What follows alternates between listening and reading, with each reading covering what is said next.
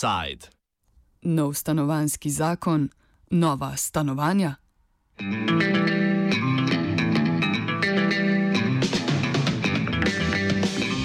Reševanje stanovanskega vprašanja je pereča problematika, pri kateri zastarel stanovanski zakon, ki je v veljavi zadnjih 16 let, verjetno pretirano ne pomaga pri njenem reševanju. Zato je Ministrstvo za okolje in prostor v javno obravnavo končno dalo osnutek novega zakona, ki naj bi poskrbel za več najemniških stanovanj, širše dostopnih tudi bolj ranljivim skupinam.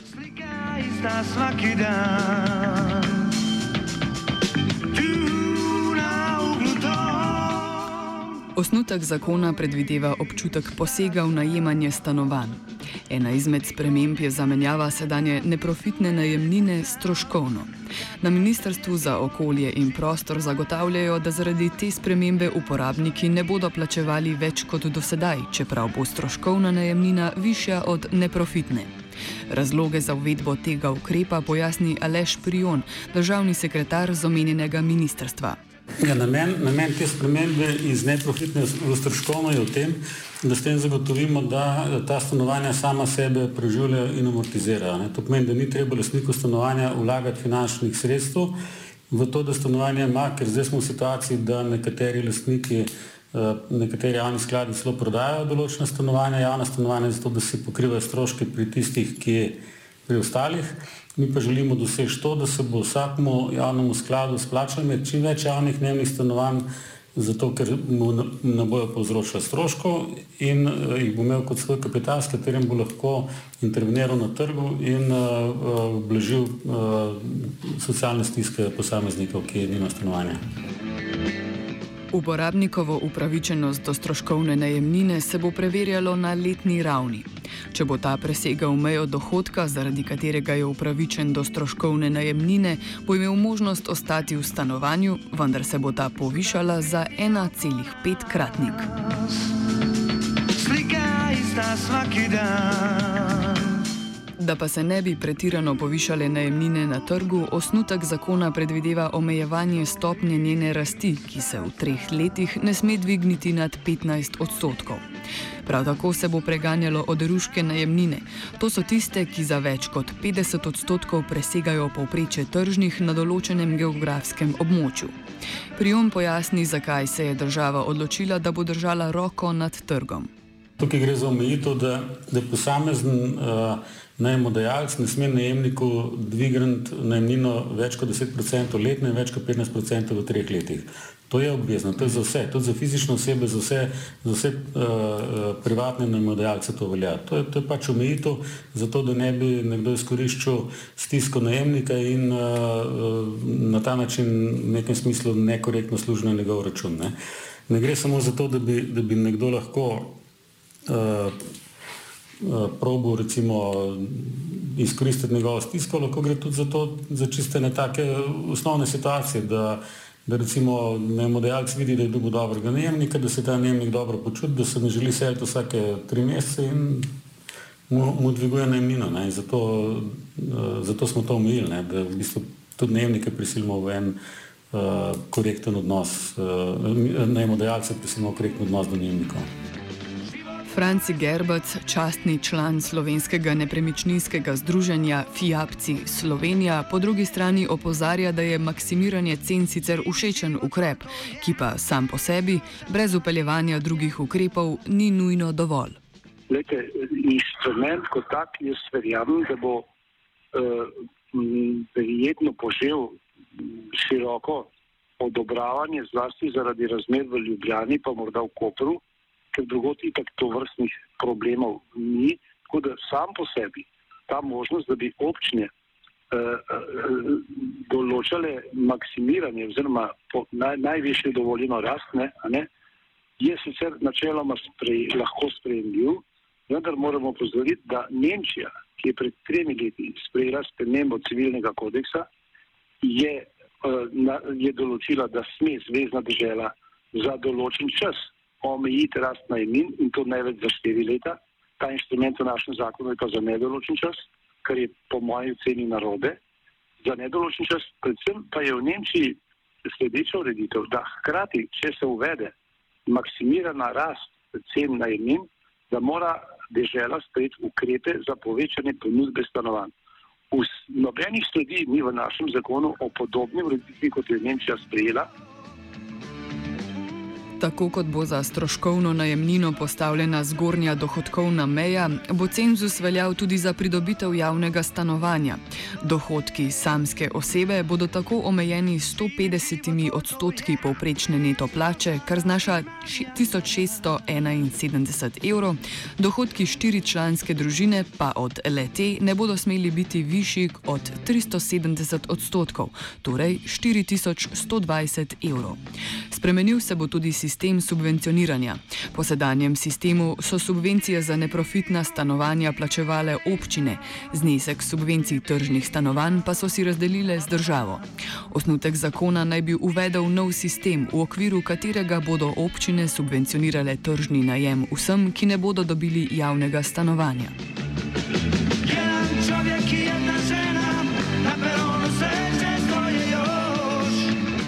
Novost bo tudi javna najemniška služba, ustanovitelj katere bo Stanovanski sklad Republike Slovenije. Ta bo na trgu najemala stanovanja in jih na to oddajala kot javna. Več o javni najemniški službi, prion. Treba je vedeti, da ta javna najemniška služba se ne nanaša samo na prazne stanovanja. Eh, javna najemna služba bo lahko tudi za nekoga, ki že zdaj oddaja stanovanje, pomenila neko eh, možnost, da, da to oddaja na lažji način, ne? brez, brez neke skrbi, brez uh, nekih obveznosti.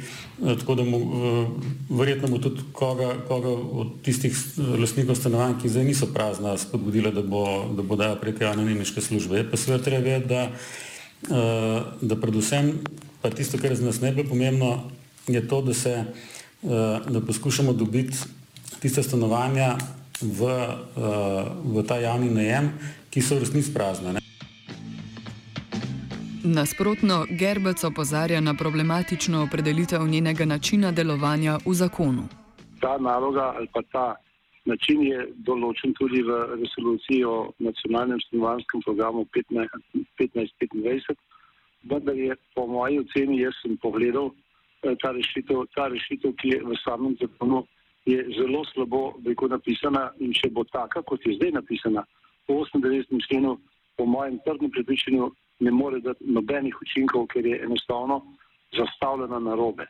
In sicer ne, eh, že to, da pravi, da vsak javni lastnik to dela, je v osnovi na robe, kajti tudi to delajo koncesionirane javne službe, eh, ki jim državni stanovanski skladi ali ministrstva poverijo tako, zaupajo tako nalogo in delajo na osnovi koncesije. Medtem ko pri nas to piše v prvem odstavku, da bo to vsak javni lastnik to delal. To pomeni, da bo 212 občin vsaka zase to delala, od tega ne bo nič. To, to jamčem, ker to zdaj velika večina občin nič ne dela na stanovanskem področju. Sogovornik izpostavlja tudi nadaljno dikcijo zakona, ki ignorira razkorak med tržno in stroškovno najemnino. Potem hujše je pa še drugi odstavek tega člena, ki pa pravi, da za takšen najem in podnajem veljajo vsa določila tega zakona o stroškovnih najemninah in podobno. To pa izkazuje, da tisti, ki so to pisali, enostavno ne poznajo temeljnih značilnosti takega najema, kajti stanovanja se najemajo na trgu za tržno ali nekaj nižjo najemnino in to nima nobenega opravka z stroškovnimi najemninami za javno stanovanje tisti, ki je to napisal, enostavno ne ve, kaj je sploh napisal. To mi je zelo žal, ampak tisti, če misli kdo, da bojo ljudje oddajali lastniki zasebnih stanovanj, stanovanja po stroškovni najmini, kot je sicer določena za, jav, za javna stanovanja, treba si pogledati tiste določbe zakona, potem jamčem, da nihče ne bo oddal stanovanja za stroškovno najmino. Ampak, če pogledate določbe o stroškovni najmini, imate tam v bistvu že v zakonu določen limit, koliko je največ lahko ta najmina, ne? In če si kdo predstavlja, da bo zakonodajalec določil, koliko je lahko limit, to je v tujini, tam, kjer imajo tako službo organizirano, je to predmet pogajanj med javno najemniško službo in najemodajalcem. In ta najemnina je običajno nekaj nižja, kot je poprečna tržna najemnina, ker ta služba prevzame tveganja napram najemodajalcu, napram najemniku. Če pa kdo misli, da je to možno delati tako, kot je napisano v zakonu, jaz želim mu vse dobro, ampak iz tega ne bo nič.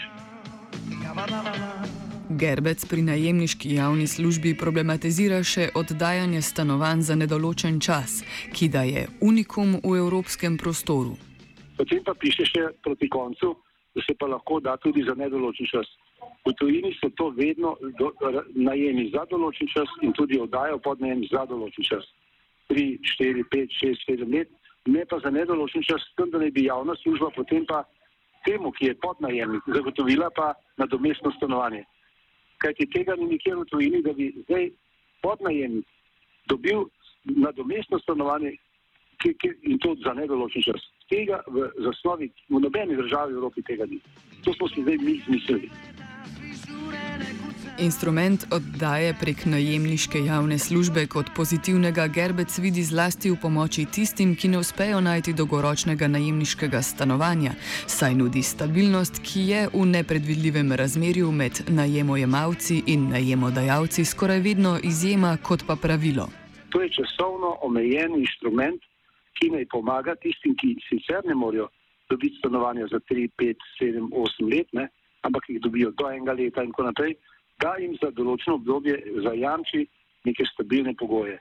Dobo najema, višino najemnine, ki je vse čas enaka, fiksna, ne, tako za najemodajalca kot za najemnika. Zdaj, v, v tem sistemu, kot je tam napisan, o tem ni več sledu, kaj ti tisti hip, ko nekdo piše, da veljajo določbe o stroškovni najemnini, je konec. Jaz jamčem, da takih najemodajalcev, ki bi bili totalno, da svojo hišo ali stanovanje po tej ceni, ki je v zakonu pisano, v tujini nikjer ni napisan nobenih številk o, o višini najemnine in podnajemnine. Tega ne boste videli v nobeni evropski zakonodaji. Naj pripravljavci povejo, kje so to videli. Jaz pa jamčem, da tega ni, ker sem jaz to rekel na tem delu, smo pregledali vso evropsko zakonodajo. Tako da je žalostno, da ob načelni pripravljenosti, da se to uvede, so hkrati v tačnem napisali pogoje, ki vnaprej, rekel, tako službo enostavno jo, jo pohabijo, jo, jo, jo, jo ne mogoče. Od tega ne bo nič. Kot je že omenil Prion, na Ministrstvu za okolje in prostor pričakujejo, da bo z delovanjem javne najemniške službe na trg prešla kopica praznih stanovanj. Izmed 170 tisoč stanovanj, ki naj bi jih bilo, vsaj na papirju, praznih, Prion ocenjuje, da je 20 tisoč takšnih, ki bi lahko potencialno prešla v upravljanje javno najemne službe. Ostala so ali v preslabem stanju, ali lastnik nima nikakršnega interesa za oddajanje, ali pa se oddajajo na črno. Za začetek je bolj realna številka okrog 100, v dogledne, doglednem času pa mogoče 1000 stanovanj. Gerbec se strinja z vzpostavitvijo tovrstne službe, a ostaja kritičen do načina izvedbe, zapisane v osnutku zakona. Prav je, da oni to predvidevajo. Prav je tega, ker skupaj z javnimi, novimi zgrajenimi stanovanji, plus tistimi, ki bi jih aktivirali iz nezasedenih zasebnih stanovanj, veste, kaj v celi Sloveniji ljudi zelo zanima. To je ministrstvo organiziralo lani po zimi posvete spomladi po celi Sloveniji.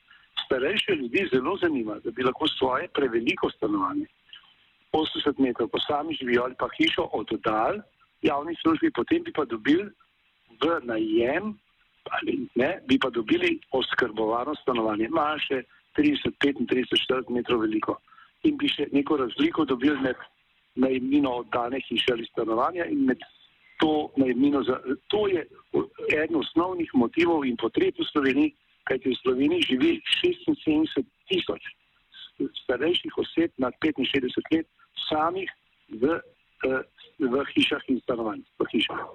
69 tisoč je žensk, ki živijo same v hišah.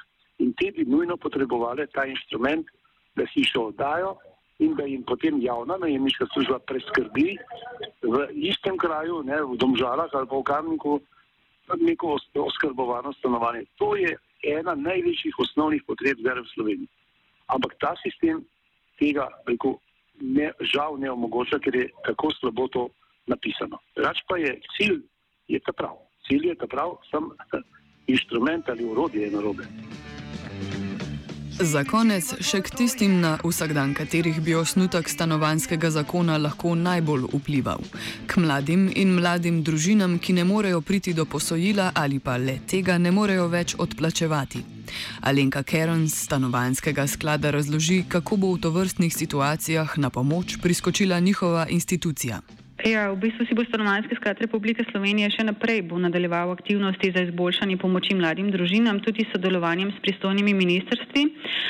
Kar se tiče predloga zakona, stanovanjskega zakona, so podrobnejša merila za dodeljevanje javnih stanovanj opredeljena kot kasneje definirana v posameznih pravilnikih. V teh pravilnikih bodo predpisani kriteriji in merila za ocenjevanje stanovanjskih in socialnih razmer prosilcev in tako bodo tudi oblikovane prednostne kategorije prosilcev prosilcev. Um, zakon ob tem ne določa sistemskih in trajnih virov financiranja za stanovanski republiški sklad, zato pričakujemo, da bodo, okolikor bo ta določba ostala, za izvajanje taki viri tudi vzpostavljeni. Kje pa bi se lahko ne prvič, ne zadnjič zapletlo? Mm, glavno, kar je, ne, je da, da pač niso predvideni ti sistemski viri uh, financiranja, uh, preko katerih bi lahko potem stanovanjski sklad uh, izvajal aktivnosti, ki so predvidene po novem stanovanjskem zakonu. Offside je s pomočjo Kataliniča in Zupana pripravil žiga.